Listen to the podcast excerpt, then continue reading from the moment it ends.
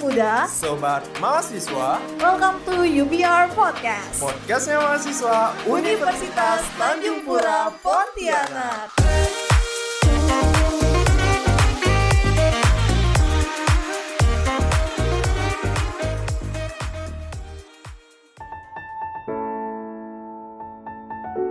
Welcome back to UVR Podcast, podcastnya mahasiswa Universitas Tanjung Pura Pontianak. Apa kabar sobat muda, sobat mahasiswa sekalian? Semoga kita tetap sehat-sehat aja ya. Sobat muda, sobat mahasiswa, karena masih pandemi, diingatkan sekali lagi untuk tetap mematuhi protokol kesehatan yang ada nih ketika berada di luar rumah dalam rangka memutus mata rantai penyebaran virus corona. Terapkan 5M, menggunakan masker, mencuci tangan, menjaga jarak, dan menjauhi kerumunan. Dan yang pasti, mengurangi mobilitas. Itulah 5M-nya kan? Oke, sobat muda, sobat mahasiswa, di podcast kali ini, sobat muda, sobat mahasiswa ditemani bareng Dedi dan partner podcast Dedi yang mungkin dulu pernah jadi podcaster juga nih di UVR Podcast atau di Hutan Voice Radio. Langsung saja kita hadirkan suaranya si manusia cantik ini, oke? Silahkan perkenalkan dirinya, Bidadari. Oke, uh, sebelumnya aku mau sapa dulu nih teman-teman di UVR Podcast, sobat muda, sobat mahasiswa yang kayaknya udah lama banget ya, Dad, aku nggak siaran. Iya. Mungkin kayaknya sekitar satu tahun yang lalu Satu deh. tahun lalu ya kita berdua pernah siaran ya? Iya, Pernah nah jadi aku juga seneng banget bisa diundang hari ini. Jadi uh, Yosi itu berterima kasih sama teman-teman UVR Podcast yang udah kasih kesempatan Yosi untuk sharing di sini pengalaman Yosi yang udah Yosi lewati apa aja. Nah, jadi uh, sebelumnya perkenalan perkenalan dulu ya, Dad. Iya, Nah, perkenalan dulu. perkenalkan nama eh, Yosi, nama panjangnya ya Yosi Rimariana. Kalian bisa panggil Yosi aja ya. Kasih aja. Mau Nah. panggil Yosi atau Oci atau Bidadari? Oci boleh Oci deh. boleh. Iya. Atau cantik? Bi- Oci aja. Oci, ah. Yosi atau Oci ya? Yosi atau Oci boleh. Oke, kali ini kita mau ngomongin tentang apa nih, Yos? Kita mau ngomongin tentang kayaknya lebih ke sharing-sharing santai sih. gitu ya. Sharing-sharing santai ya, karena di sini Dedi hanya menjadi mediator Ya. dan Yosi sendiri sebagai narasumber yang bakal kita tanya-tanya nih tentang tema ini. Oke, langsung aja ya di-spill ke sobat muda sobat mahasiswa. Nah, jadi hari ini kita mau bicara sedikit tentang kampus Merdeka nih, Wah. Kampus Merdeka, Iya. program dari Pak Nadiem Makarim ya. Iya betul banget. Nah jadi sebelumnya Dedi apakah udah tahu kampus Merdeka itu apa? Atau Dedi baru dengar juga gitu? Hmm, dibilang baru dengar enggak sih? Tapi taunya sekelebat-sekelebat, samar-samar gitu kayak tahu enggak tahu lah. Oh tahu tahu nggak tahu gitu ya? Ah, gitu. Nah, mungkin buat sobat muda sobat mahasiswa yang kepo bisa stay tune ya di podcast ini dan juga buat sobat muda sobat mahasiswa ambil dulu deh cemilan-cemilannya atau minuman-minumannya Betul karena banget. karena mendengarkan podcast ini bakal sesantai dan seseru itu ya. Ya betul banget Ded. Oke, kita juga udah ngirimin uh, question box di Instagram buat sobat muda sobat mahasiswa yang mungkin belum follow Untan Voice Radio bisa follow ya di Untan Voice Radio di Instagram karena kita bakal share-share informasi tentang keseharian Untan Voice Radio gitu atau mau tanya-tanya gitu. Kita juga udah ngelempar pertanyaan nih buat sobat muda sobat mahasiswa. Jadi nanti kita sambil ngomong mungkin sambil jawab pertanyaan sobat muda sobat mahasiswa di Instagram ya, Yos ya. Iya betul banget. Oke, langsung aja ya kita ke topik utama. Apa itu kampus Merdeka? Menurut Kak Yosi sendiri nih. Oke terima kasih Dedi. Nah jadi em, mungkin teman-teman di sobat muda sobat mahasiswa ini eh, ada yang belum tahu dan ada juga yang udah tahu tentang kampus Merdeka. Nah jadi aku mau ngasih tahu secara gambaran besarnya. Jadi kampus Merdeka itu apa sih gitu Ded? Hmm. Nah, jadi kampus Merdeka itu pada dasarnya adalah konsep baru yang memberikan mahasiswa kesempatan uh, untuk mendapatkan kemerdekaan belajar di perguruan tinggi. Nah, konsep ini pada dasarnya menjadi sebuah lanjutan dari sebuah konsep yang sebelumnya yaitu Merdeka Belajar. Jadi ini Hmm. merupakan sebuah implementasi dari visi misi yang dimiliki oleh Presiden Joko Widodo guna menciptakan SDM yang lebih unggul gitu, Det. Nah, Hmm, jadi. Uh, Menteri Nadiem Makarim sendiri pada dasarnya telah menciptakan sebuah terobosan yang akan mendorong mahasiswa untuk bisa belajar selama dua semester di luar kampus. Oke. Jadi perencanaan kampus mereka menjadi sebuah upaya untuk memberikan kesempatan bagi mahasiswa dalam menentukan mata kuliah yang nantinya akan diambil. Hmm. Nah, jadi kurang lebih gitu sih, Det. Tujuan penerapan kampus Merdeka adalah agar mahasiswa nantinya memiliki kemampuan untuk menguasai beragam keilmuan yang berguna di dunia kerja nantinya. Wah, Nah, jadi keren banget ya eh, manfaat dari mengikuti program Kampus Merdeka ini. Wah, banyak juga manfaatnya, ada tujuannya juga. Ini juga pengimplementasiannya dari program sebelumnya gitu ya. Iya, betul banget, Dad. Jadi eh, yang Dedi mau tanyakan juga, apa sih program-program di kampus Merdeka itu? Nah, jadi tadi kan Dedi udah ada nyebutin ya satu spoiler, Spoiler, program program. program itu ya. Nah, jadi programnya tuh sebenarnya banyak banget, Dad. Mm-mm. Jadi ada eh, Bangkit by Google, Goto atau Traveloka, lalu Inter- Indonesia International Student Mobility Award, lalu Kementerian ESDM atau Gerilya, lalu ada program magang nih, Dad. Cocok banget untuk teman-teman yang mau magang gitu. Nah, sobat-sobat mahasiswa mau magang, boleh. boleh Oke. mengikuti program ini. Nah, kemudian ada membangun desa atau KKN tematik, lalu ada pejuang muda kampus merdeka, lalu ada pertukaran mahasiswa merdeka, proyek kemanusiaan, riset atau penelitian, studi independen, dan wirausaha. Gitu deh. Wah, banyak juga. Banyak ya. banget. Ini kalau Dedi buka websitenya itu Dedi bisa dapat langsung ngebaca itu bisa Dedi pilih sendiri. Oh, ikut bisa program. pilih sendiri? Iya, betul. Asalkan update aja sih. update aja ya. Iya. Nah kalau tahu-tahu informasi tentang kampus mereka ini, Yosi dapat dari mana gitu? Menjawab pertanyaan juga dari eh, dari penanya kita ya katanya suka ketinggalan informasi nih katanya. Hah, Oh, terkait terkait kampus mereka Kampus ini Merdeka informasinya ini. tuh dapat dari mana gitu? Mudahnya gitu. mudahnya ya. Nah, jadi sebenarnya untuk program ini Dedi bisa langsung cari di Instagram atau di web. Itu udah banyak banget eh, platform yang menyediakan informasi terkait pendaftaran program-program ini, Dad. Nah, gitu. Tapi kalau untuk Yosi sendiri ini ya, pengalaman Yosi dulu Yosi eh, pertama kali taunya itu dari eh, dari Prodi Yosi gitu. Oh. Jadi ada informasi bahwa ada pembukaan kegiatan kampus Merdeka dan Yosi akhirnya tahu gitu. Akhirnya tahu Akhirnya ya. Yosi searching, kasih Yosi cari tahu, oh gini loh ternyata program ini boleh diikuti nih gitu. Jadi Yosi tahunya dari itu deh. Oke, berarti dari mudah juga ya. Berarti lumayan informasinya tuh enggak sembunyi-sembunyi lah ya. Enggak. Oke, nah buat sobat muda sobat mahasiswa, mungkin cari-carilah informasi, jangan malas gitu. Jangan menunggu informasi datang ke sobat muda sobat mahasiswa, tapi sobat muda sobat mahasiswa juga harus cari tahu gitu ya. Iya betul. Nah, kalau untuk kan tadi banyak ya program-programnya. Mm-mm. Nah, kalau Yosi sendiri itu pernah ikut yang mana dari beberapa program itu? Tadi kan udah spoiler tuh, ha. Iya. Yang mana-mana aja gitu. Mhm. Kan ada lima mungkin. Enggak nyampe sih lima deh. Itu itu banyak banget sih. Agak lebay. Lebay. Mm-mm. Jadi kalau Yosi sendiri itu sobat muda sobat mahasiswa eh, udah ngikutin dua program. Nah Hmm. programnya itu yang pertama ada program kampus mengajar Mhm. itu untuk angkatan pertama waktu itu dan Wow. yang kedua ini program magang dari kalau Yosi kan karena jurusan PWK atau perencanaan wilayah dan kota Mhm. jadi Yosi ikut program magang dari Kementerian ATR BPN Det. Wah, Tuh. ada dua nih. Kebetulan ada dua sejauh ini. Is, mantap banget dari banyaknya program. Yosi Ya kan kita, ada dua ya. ya, kita kan cari pengalaman Terus deh. mengajar. Oke, kita mungkin masuknya satu persatu dulu ya. Boleh, boleh Oke. banget kok. Mungkin Yosi nanti bisa sharing pengalamannya gitu. Nah, kalau untuk kampus mengajar nih, apa sih kampus mengajar itu? Mungkin Yosi bisa jelaskan. Eh, untuk kampus kita masuk ke program kampus mengajar dulu ya Hmm, sobat muda mengajar. sobat mahasiswa. Nah oke. Lanjut jadi untuk kampus mengajar sendiri adalah bagian dari program kampus merdeka nih yang bertujuan untuk memberikan kesempatan kepada mahasiswa belajar dan mengembangkan diri melalui aktivitas di luar kelas perkuliahan. Tuh jadi di program kampus mengajar mahasiswa akan ditempatkan di sekolah dasar di seluruh Indonesia dan membantu proses belajar mengajar di sekolah tersebut deh jadi secara kasarnya ini uh, kita sebagai mahasiswa itu bisa mengabdi uh, di program ini untuk membantu guru-guru di sekolah-sekolah dasar dalam memberikan ilmu pengetahuan kepada uh, para siswa-siswi terutama uh, kita tahu sekarang kan uh, di daerah-daerah tertinggal itu banyak sekolah-sekolah yang uh, masih kurang tenaga pengajar det. Nah, jadi itu sih sepertinya uh, fokus dari kampus mengajar ini supaya uh, seluruh sekolah atau SD tersebut dapat menerima ilmu pengetahuan baru dari mahasiswa yang kritis ini gitu deh. Hmm.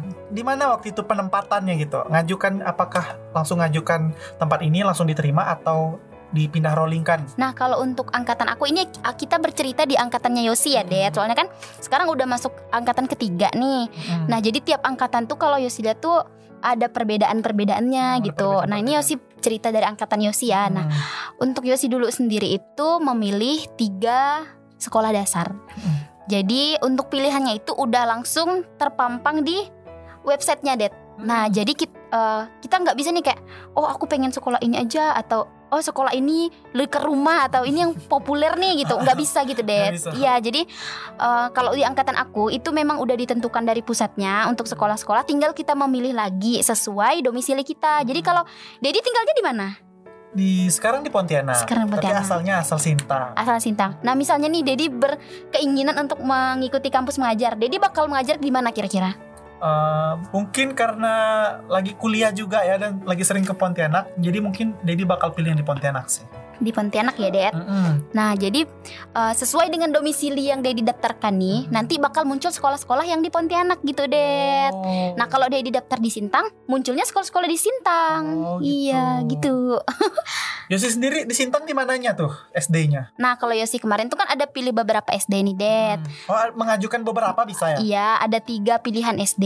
Mm-mm. Nah, kebetulan syukurnya Yosi ini dapat di Sintang juga gitu. Mm. Dan Yosi dapat di eh, pada saat itu Yosi mendapatkan penempatan di SD Muhammadiyah Sintang gitu. Oh, SD Muhammadiyah Sintang. Jadi tahu nggak Tahu, tahu, tahu, tahu. di mana? Di Sintang.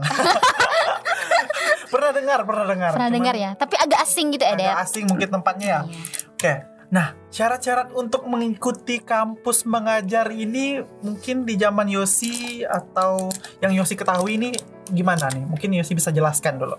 Apa sih syaratnya gitu? Oke, untuk syarat-syaratnya sendiri, jadi itu syaratnya tuh nggak susah sih sebenarnya, Hmm. Dad. Itu bisa kita lengkapi sebagai mahasiswa, Hmm. mahasiswa aktif terutama. Hmm.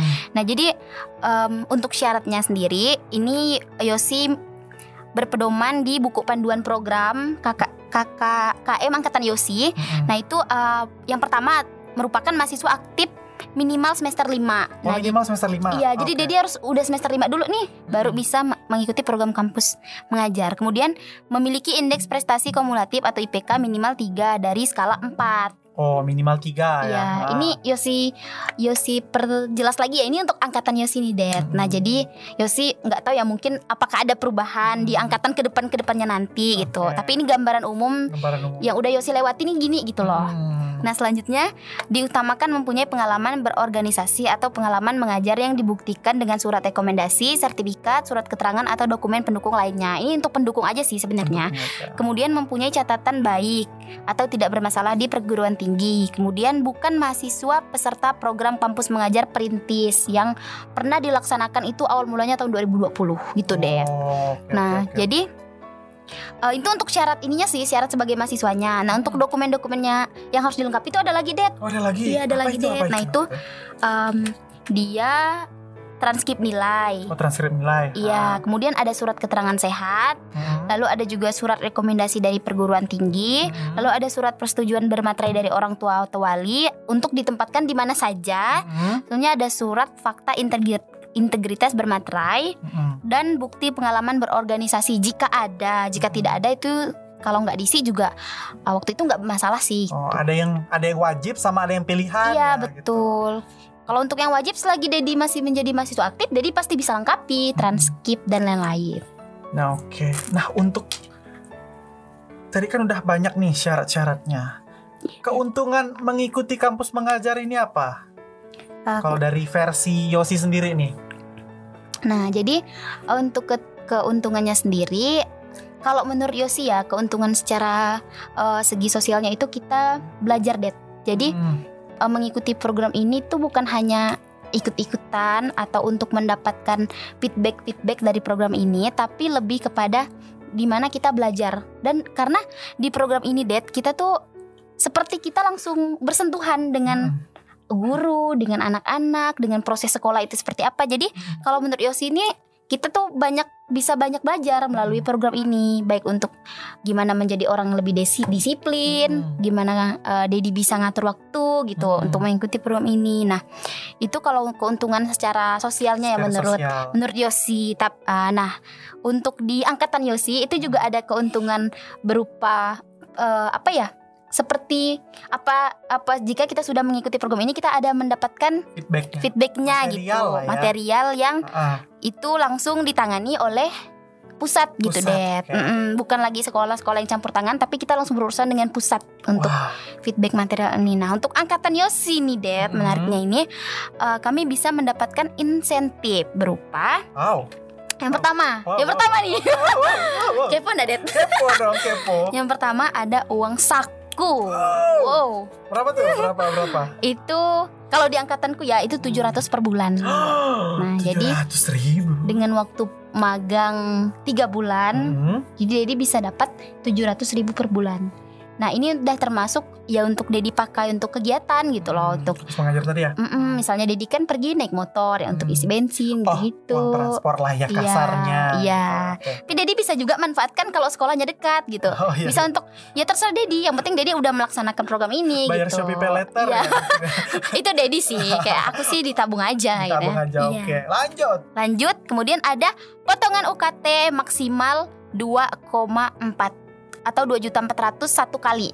Wah. Nah, misalnya Dedi nih ikut program ini di semester 6 kayak aku waktu kayak Yosi waktu itu kan. Hmm. Nah, jadi Yosi waktu pembayaran UKT itu dipotong deh 2 juta 400. Wah, juga. Ya, nah kalau kalau misalnya hmm, apa UKT Dedi ini di bawah 2 juta 400, Hmm. dia langsung ini deh terpotong semua jadinya. Oh jadi nggak perlu bayar? Iya, gitu. Oh.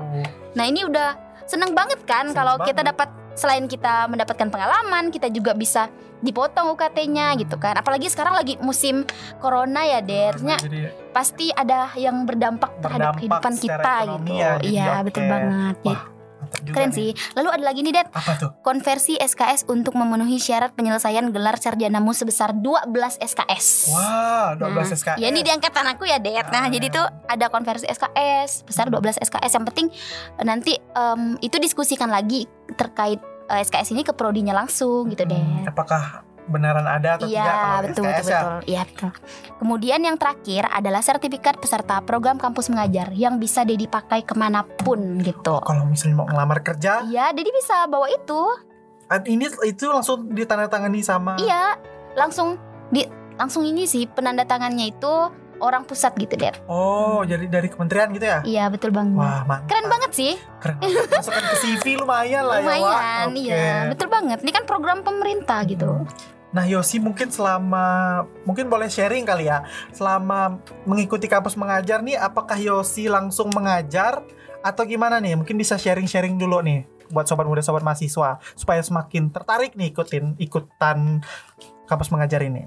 Oke, Det. Nah, jadi untuk hmm, kegiatannya ya, Hmm. untuk kegiatannya itu yang pertama itu pasti kita ada pertemuan dulu nih, Det. Hmm. Misalnya Dedi mengambil di Sintang. Mm-mm. Nah, itu Dedi ketemu dulu sama kepala dinas di Sintang gitu. Oh, audiensi lah Iya. ya.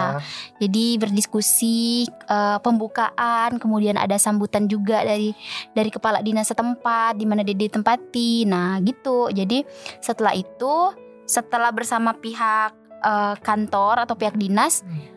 Dilanjutkan ke pihak sekolahnya, Det. Mm-mm. Nah, jadi em, intinya sebelum kita melaksanakan kegiatan belajar mengajar, kita melaksanakan pertemuan dulu nih Hmm. untuk membahas oh gim apa sih kampus mengajar itu, Hmm. gimana sih prosedurnya nanti. Nah, itu dibahas bersama Dinas Pendidikan dan juga em, kepala sekolah setempat gitu.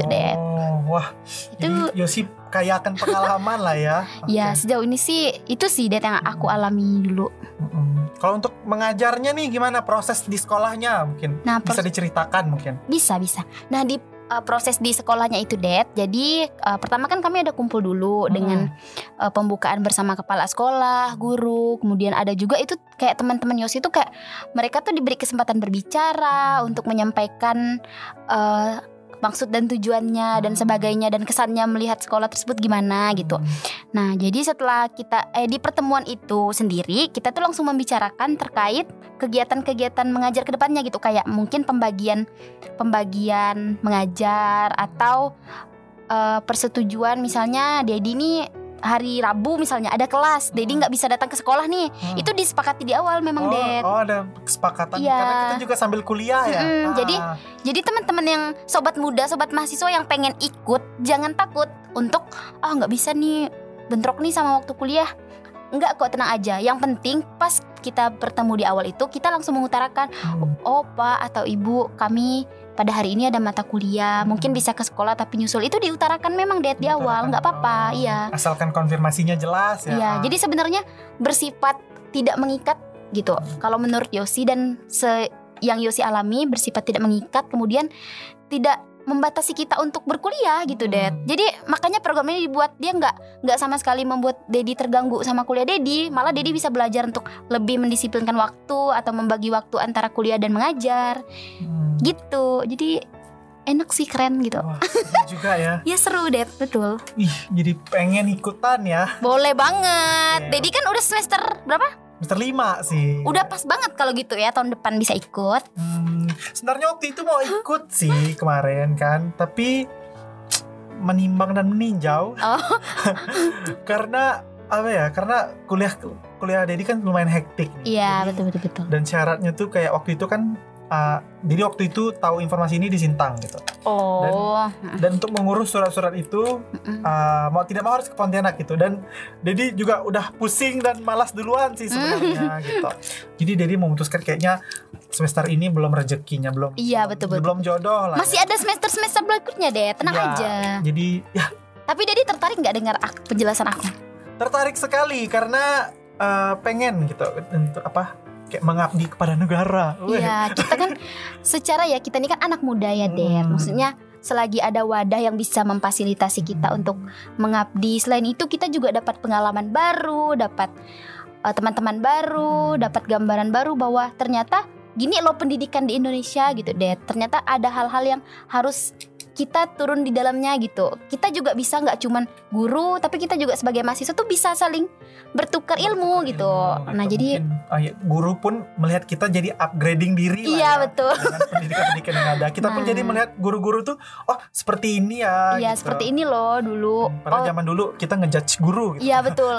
Enggak enggak boleh loh, Dad. Ya enggak boleh. Oh ya, buat Dulu sobat itu muda sobat capek. mahasiswa kita tag hari ini tanggal 26 November ya. Jadi kemarin itu adalah hari guru. Jadi Pas kita- banget ya, jadi, ah, jadi kita ucapkan selamat hari, Hari guru. buat Guru-guru di seluruh Indonesia Oke. gitu. pas banget kan Pas, hari, pas hari banget. guru besoknya kita bahas tentang kampus mengajar. Iya, betul Dan banget, Kebetulan, Dad. kebetulan Yosi juga salah satu Peserta, alumni peserta. alumni kampus mengajar. Eh, guru lah ya, bisa dibilang guru juga nggak? Cikgu dulu Cikgu. zaman-zaman Yosi ini Yosi dipanggil Cikgu ya. Cikgu, eh, cikgu ya. Oke, untuk kan tadi Yosi bilang ada teman-teman, berarti dalam berarti dalam satu SD itu bisa bisa dari berapa orang gitu ya kayaknya. Iya bisa Dad. Oh, kalau Yosi sendiri berapa orang kemarin sama Kak- teman-temannya? Kalau Yosi sendiri itu kami yang lulus di SD Muhammadiyah itu ada sekitar empat orang. Oh, empat orang. Iya. Jadi Yosi, oh jadi nggak sendiri ya? Enggak. Itu tergantung ini sih, Dad. Kalau memang yang pendaftarannya banyak di wilayah tersebut, dia bakal diterima di SD-SD itu dengan jumlah yang besar gitu. Besar juga. Iya, oh. seperti ada konyosi di Pontianak itu penerimaannya sampai 8 orang satu sekolah. Oh. Iya, jadi nggak sendiri sih kecuali mungkin di daerah Dedi yang dap- yang daftarnya itu sedikit, nah itu bisa jadi sendiri. Tapi itu nggak buat Dedi ini sih, nggak akan buat Dedi jadi merasa sendiri gitu, karena akan ada guru-guru, Dedi juga akan ketemu anak-anak, jadi bakal seru banget gitu. Oke, Jadi dibantu sama guru-guru juga lah ya. Iya, Jadi kita betul. nggak sendiri, dibimbing lah ya Iya. kita. Oke. Kita jadi nggak mandai-mandai lah ya. Iya, nggak boleh dong Ded Ngajar-ngajar, mandai-mandai. Apalagi kalau mukul-mukul anak murid tuh nggak Oh, boleh ya nggak boleh, kita Iya. anti kekerasan. anti kekerasan. Baik-baik aja. Kita mungkin cukupkan sekian di kampus mengajar ya. Kita langsung move on. ke- Udah lengkap ya Ded? Udah lengkap sih kalau Atau ada yang mau ditanyakan lagi dari teman-teman Ah, sobat muda sobat mahasiswa? mungkin kalau sobat muda sobat mahasiswa kalau mau nanya-nanya lebih lanjut Oke. itu bisa DM di Untan Voice Radio atau DM di Instagramnya Kak Yosi di mana? Mungkin bisa promosikan sekalian. Kalau Instagram eh, Yosi sih ada itu at rmrn Yosi gitu. Oh, oke. Agak malu ya, Ded. Agak malu ya. Iya, Jadi soalnya buat- ah. jangan atau mungkin agak gengsi nih mau cek Kak Yosi langsung. Boleh sih ke Untan Voice Radio. voice ya. radio sih yang Ah. bakal ngasih tahu kalian Nah, gitu. Nanti Dedi bakal jadi mediator ya Untan Voice Radio mediator untuk sobat muda sobat mahasiswa tanya nanti adminnya bakal nanya ke Kak Yosi secara lebih lengkap. Oh, boleh Oke, banget. oke. Dan Oke. Lanjut ya kita ke kampus kampus Merdeka yang program magang. Kan Yosi juga program magang kan? iya betul banget. Nah kalau program magang bersertifikat nih gimana nih konsepnya nih? Tadi kan ada ATR BPN lah apa segala macam. Mungkin bisa dijelaskan mungkin. Oke, nah jadi eh, program magang ini juga merupakan eh, program yang Yosi ikuti dari salah satu program dari kampus Merdeka. Hmm. Nah ini kebetulan Yosi baru selesai nih Det. Oh, harus selesai. Iya. Kalau kalau kampus mengajar itu udah beberapa bulan yang lalu yang udah ada angkatan 2, angkatan 3, coming soon ya. Kami Nah, ini benar-benar Yosi baru selesai beberapa minggu lalu. Oke, mantap. Nah, Jadi baru fresh ya. Jadi sangat-sangat boleh dipercayai. Harus dong. Oke, oke, oke. Lanjut. oke. Nah, jadi em, oh iya nih Det. Jadi Yosi nih di sini sharing-sharing aja ya. Hmm. Jadi Bukan menggurui lah bukan ya. menggurui. Jadi untuk sobat muda, sobat mahasiswa jangan menganggap ini adalah suatu podcast yang tegang gitu. Atau Kayak pedoman ya. Kayak pedoman. mau ngikut. Wah, Aku harus ngikut- gini nih. ikut kampus mengajar harus dengarkan podcastnya Untan Voice Radio gitu. Ah, Itu sharing-sharing aja. sharing-sharing aja. Jadi kayak untuk uh, harapannya Yosi sih bisa memberikan gambaran nih untuk teman-teman sobat muda, sobat mahasiswa di UVR podcast gitu, Det. Nah, jadi kembali ke pertanyaan aja ya, Det. Kembali ke pertanyaan aja. Nah, jadi Kita agak melenceng. Back to the topic. Oke, apa itu kam program magang? Nah, jadi uh, program magang Merdeka Belajar Kampus Merdeka merupakan wujud pembelajaran di perguruan tinggi yang otonom dan fleksibel sehingga tercipta budaya belajar yang inovatif, tidak mengekang dan sesuai dengan kebutuhan mahasiswa-mahasiswi.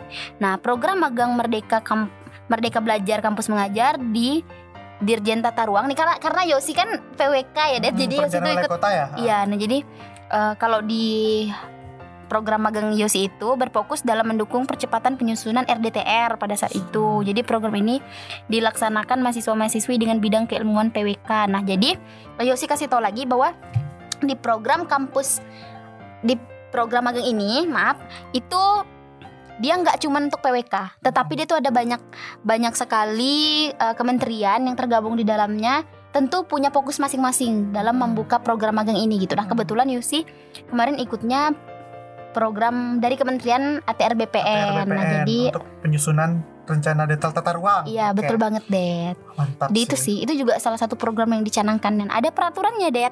Wah, lengkap ya, ada peraturannya Iya. juga. Jadi pas masuk tuh bakal dapat ini loh buku pedomannya. Pedomannya. Wes. Jadi Dedi nggak tiba-tiba pusing kepala mikir apa yang harus dilengkapi itu enggak Det. Iya tapi ada Karena kita jelas lah ya, kita Jelas. ibaratnya kita SDM-nya aja gitu. Kita nggak mikir yang benar-benar harus dari awal gitu ya. enggak Det. Kita langsung langsung aja buka website dapat dapat Pedoman. pedoman ya kita ikuti gitu. Ikuti. Oke. Harus update juga sih Det. Itu juga. Nah, kalau Apalagi, untuk syarat-syaratnya nih kalau di angkatannya Yosi ini apa gitu untuk mengikuti apakah sama dengan kampus mengajar atau mungkin ada sedikit different wes ini gimana deh Oke, nah untuk eh, program magang sendiri ini Det, Mhm. dia tuh juga sama sih kurang lebih ada persyaratan umum yang yang harus kita lengkapi Hmm. karena kan supaya data diri kita jelaskan Det untuk Hmm. ke depannya untuk bikin sertifikat kita atau pendataan itu kita harus jelaskan Hmm. jadi kita harus mengikuti atau memasukkan persyaratan yang diminta oleh kementerian itu nah jadi kalau untuk program magang Yosi kemarin itu dia minimal mahasiswa semester 5 gitu Hmm, sama ya lalu minimal. sama sama lalu mahasiswa atau mahasiswa aktif yang terdaftar di Pangkalan Data Pendidikan Tinggi Kemudian, kemudian ada ini Det, mahasiswa mahasiswi yang berasal dari universitas yang terlibat dalam program magang. Nah, jadi program magang ini tuh em, dapat dikatakan berlaku untuk universitas yang mendaftarkan diri gitu deh. oh kalau nggak mendaftarkan diri berarti tidak bisa Iya, kebetulan Universitas Tanjung Pura, Oh, universitas, universitas kita tercinta ini Iya. mengikuti program ini, Det. oh jadi Nah, untung lah ya Iya, jadi maka dari itu Yosi sendiri bisa bergabung gitu. Hmm, oke oke oke Nah, selanjutnya ada memiliki IPK minimal 2,5. Hmm. Kemudian oh ini sih kemud eh, yang di bawahnya ini persyaratan ini sih, Det. Eh, udah ke jurusan kayak dia harus bisa pakai ARJIS.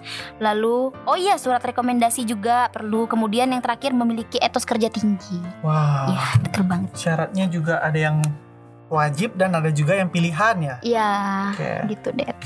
Oke, kalau untuk hmm, keuntungannya nih, apakah sama dengan dengan kampus mengajar atau beda nih keuntungannya dari segi sosial ataupun material gitu? Oke, kalau untuk keuntungannya sendiri ini, Det. Kalau untuk program magang ya, Det, yang kamu Mhm. tanyakan. Nah, ini keuntungannya eh, kalau menurut Yosi nih dan yang sepengalaman Yosi dia tuh untuk di angkatan Yosi itu tidak ada ini det nggak ada feedback secara Material. ya gitu Mm-mm. eh, penjelasannya. Jadi kalau menurut Yosi kita di sini pure benar-benar kita mau belajar. Mau belajar ya. Ya benar-benar kayak karena di program magang ini kan kita bekerja untuk memenuhi program apa yang dicanangkan gitu. Oleh pemerintah. gitu Iya, ya. seperti saat ini kalau untuk eh, bidang PWK itu Mm-mm. sedang mencanangkan percepatan RDTR gitu, Oh, Det. per DTR, rencana percepatan tata ruang. Mm, Oke. Jadi eh, untuk sobat muda sobat mahasiswa, jadi itu merupakan salah satu program Mm. atau rencana yang harus dibuat di dalam suatu daerah gitu loh penjelasannya. Hmm. Jadi eh, karena kita mengikuti program tersebut, maka kita nantinya membuat itu gitu. Mm. Kita nggak cuman kayak biasa nih kan kalau di eh, kampus itu kan kita membuat dokumen seperti itu juga gitu kan. Hmm. Kita belajar untuk apa menciptakan dokumen tersebut Hmm, gitu bersama teman-teman ah. kita belajar kan. Nah, kalau di kampus kalau di program ini kita ikut serta langsung Det. Ter- Oh terlibat Terlibat. pemerintahnya Iya. gitu ya. Ah. Nah, kalau untuk di uh, program magang Yosi yang tiga bulan ini, Yosi mengikuti tahap sampai dua tahap, Mm. tahap pengumpulan data sama tahap analisis gitu, Wah. Det. Nah, jadi sampai analisis aja nih program yang Yosi lakukan. Nah, menurut Yosi sih feed- feedback yang benar-benar kita dapatkan itu sih pengalaman sih, Det. Kayak pengalaman. Iya, Yosi ngerasa banget bahwa uh, banyak hal yang Yosi dapatkan nggak cuman teori, tetapi Yosi belajar praktek dan bahkan Yosi tuh ikut serta turun kayak uh, yang apa sebelumnya Yosi tuh nggak tahu ini, eh sekarang Yosi jadi tahu gitu. Oh gini loh caranya, sistemnya gitu. Itu benar keren banget sih menurut Yosi.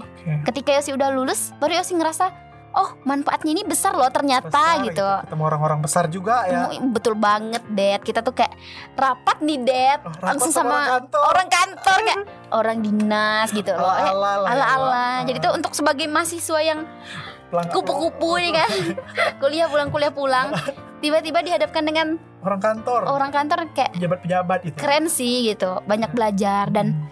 itu bukan kita mengikuti program ini bukan karena kita nih eh, IPK-nya mencukupi atau karena kita merasa kita hebat enggak deh, tapi justru program ini yang ngasih banyak pengalaman ke kita gitu loh. Nah, jadi Karena juga salah satu mata kuliah ya kalau magang ya. kalau- Iya. Ah. dan yang kalau di prodiosi sih Det nah Hmm. itu tuh ikut itu tuh disertakan atau masuk ke dalam salah satu mata kuliah yaitu mata kuliah magang atau program magang. magang. iya Oke. jadi sangat direkomendasikan Sangat direkomendasikan ya kalau Iya. kalau untuk Yosi penempatannya di mana nih? Apakah di Pontianak atau di Sintang? kalau Yosi kemarin di Sanggau Det Di Sanggau ya? iya Sanggau, oke. Apakah sendiri atau bersama teman-teman? bersama teman-teman sih Det Ah, ah, jadi dia tuh ada beberapa daerah gitu Hmm. lalu kita masukin aja daerah mana yang mau kita tem- apa penempatannya Hmm, kemudian nanti dari pusatnya yang memilihkan kita di mana gitu Det memiliki kita di mana? Iya betul banget. Ih, seru juga ya ikut penyusunan RDTR sama pemerintah langsung. Ih. Seru Apakah sih Det. Banget. Ini apakah ada sertifikat juga nih? Tentu aja. Oh. Jadi mohon maaf ya nih sobat muda sobat mahasiswa tadi Yosi kayaknya lupa deh nyebutkan. Oh, Jadi iya. tuh ada ini sih kita juga dapat sertifikat sama seperti kampus mengajar Harus gitu mengajar. Wah, jadi bisa dimasukkan ke CV juga ya? Bisa banget dong Wah. CV-nya Yosi berarti keren dong. Dua kam- program kampus merdeka. Dedi juga dong ikut. Eh, pasti, pasti Dedi mau ikut karena udah dibukakan pikirannya kan Iya. harus ini, ini gitu. Oke, eh, Yosi ada tips nggak nih buat sobat muda, sobat mahasiswa yang kayak pengen ikut ini, terus gimana caranya buat lolos gitu? Nih menjawab pertanyaan juga dari sobat muda, sobat mahasiswa. Apa tuh Tips pertanyaannya lolosnya deh? kak katanya. Tips lolosnya ya. Ah, tips lolosnya katanya. Oke. Oke, udah bis- boleh Yosi jawab ya. Boleh dong. Itu aja ya pertanyaannya. Ah, Oke, nah jadi untuk em, menurut Yosi ya, Det, setelah yang Yosi lewati dan Yosi alami, em, untuk tips lolos, sebenarnya Yosi nggak ada tipsnya. Hmm. Sebenarnya Yosi nggak ada tips-tips atau kisi-kisi kayak kita ikut lomba A tuh harus gini loh, atau kita ikut lomba matematika harus belajar matematika enggak. hmm. Jadi untuk em, bukan tips ya untuk sobat muda, sobat mahasiswa, Yosi lebih ke share. menyampaikan bahwa kalau memang teman sobat muda sobat mahasiswa pengen dan berkeinginan banget untuk mengikuti program ini sobat muda, sobat mahasiswa usahakan melengkapi syaratnya. Itu yang pertama. Nah, jadi em, setiap program kampus mengajar atau kampus merdeka atau kampus atau program magang itu dia ada syaratnya kan, kayak harus bikin transip nilai atau kita minta surat rekomendasi ke kampus. Nah, kadang em, mahasiswa atau mahasiswi itu mundur ketika melihat persyaratannya, Det. Hmm, Jadi sebenarnya ya. iya, ada yang merasa ribet atau aduh kapan nih selesai? Aduh, belum masukin ini, belum masukin itu. Kadang itu yang bikin bikin sobat muda sobat mahasiswa ini nih kayak kendor, niatnya tuh kendor. Ada juga temannya Yosi nih, itu juga sama. Ini sebelah Yosi. Dedi.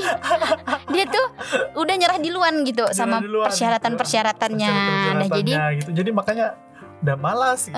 udah lah, udah saja gitu. eh, ada saja gitu Yang kan. Syarat-syaratnya dipenuhi ya, yang Iya. wajib harus gitu. Mm-mm, betul banget, Det. Nah, jadi di situ sih nggak ada tips. Yang penting gimana niat dan eh, keinginan kita yang menggerakkan kita untuk ke sana ke sini untuk memenuhi syaratnya itu gitu. Oke. Jadi kita harus untuk interview ada nggak kayak interview gitu? ah, kebetulan di pada saat Yosi mengikuti itu nggak ada Det. Nggak ada ya Sejauh ini ya nggak tahu nanti ya kalau misalnya nanti. ke depan ke depannya udah banyak peminatnya. Oh ya makin makin makin Mm-mm. makin itu makin banyak peminatnya juga ya. Jelas. Jadi Oke. untuk di angkatan Yosi sih nggak ada. Ada juga nih yang nanya katanya.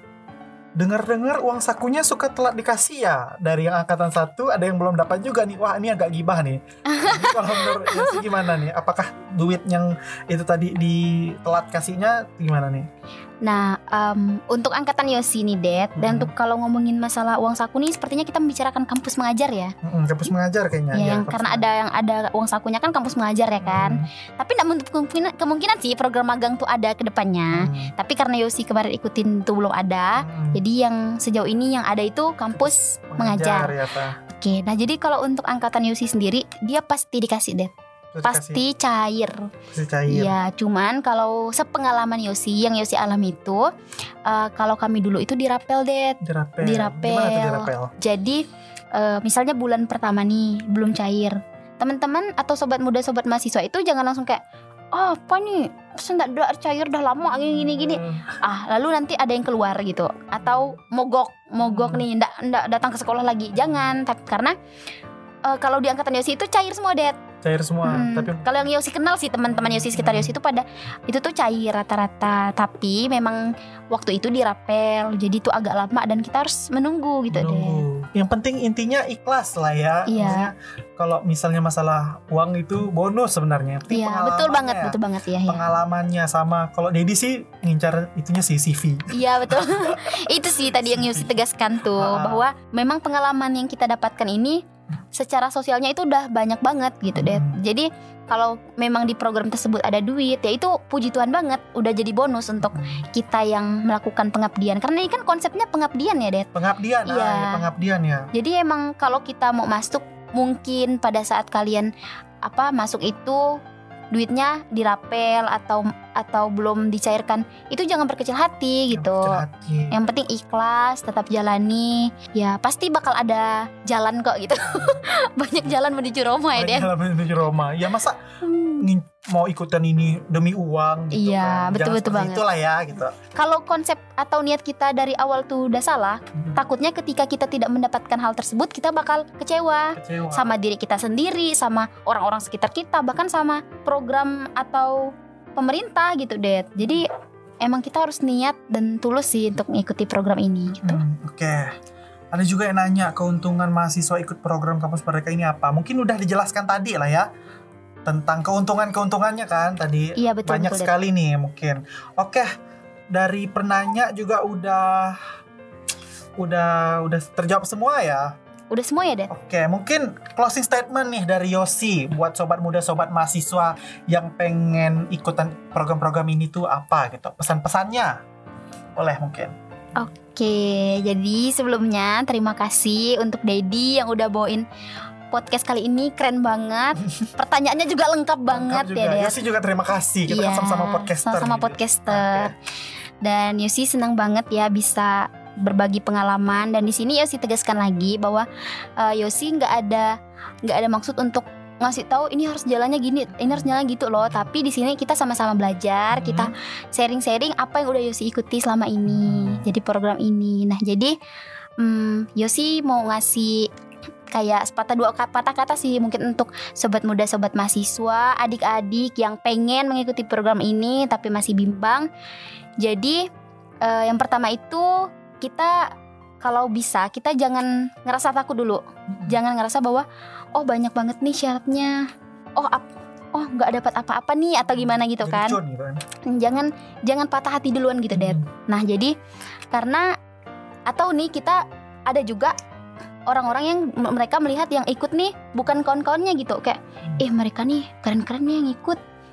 Oh, nggak mau lah ikut. Ah jangan kayak gitu. Karena kalau menurut Yosi program ini ketika kita mengikuti program baik kampus Merdeka Hmm. atau program-program dari eh, akademik lainnya itu bukan siapa kita yang mengikuti program tersebut Mm-mm. tapi apa yang mau kita berikan. yang kita berikan. Ya. Jadi apa yang mau kita berikan dan apa yang mau kita ambil dari program tersebut itu yang paling penting. Wes. Karena apa pun yang kita ikuti, Dad, itu bakal ada sekalipun pada saat itu kita men- tidak mendapatkan apa pun, tapi yakin dan percaya bahwa suatu hari kita akan mendapatkan buah dari pengalaman itu. Oh, gitu. mantap. Jadi- kata-katanya mutiara sekali ya. Sudah ada yang tersenyum di depan kita. Siapa itu, Dad? ada deh. Oke. Iya, Ada lagi mungkin gitu mungkin? sih. Jadi jangan takut karena untuk masalah waktu itu bisa kita kembalikan lagi pada saat kita berdiskusi dengan pihak sekolah gitu. Jadi keren sih kita bisa banyak belajar, dapat belajar disiplin waktu, kita bisa belajar bertanggung jawab.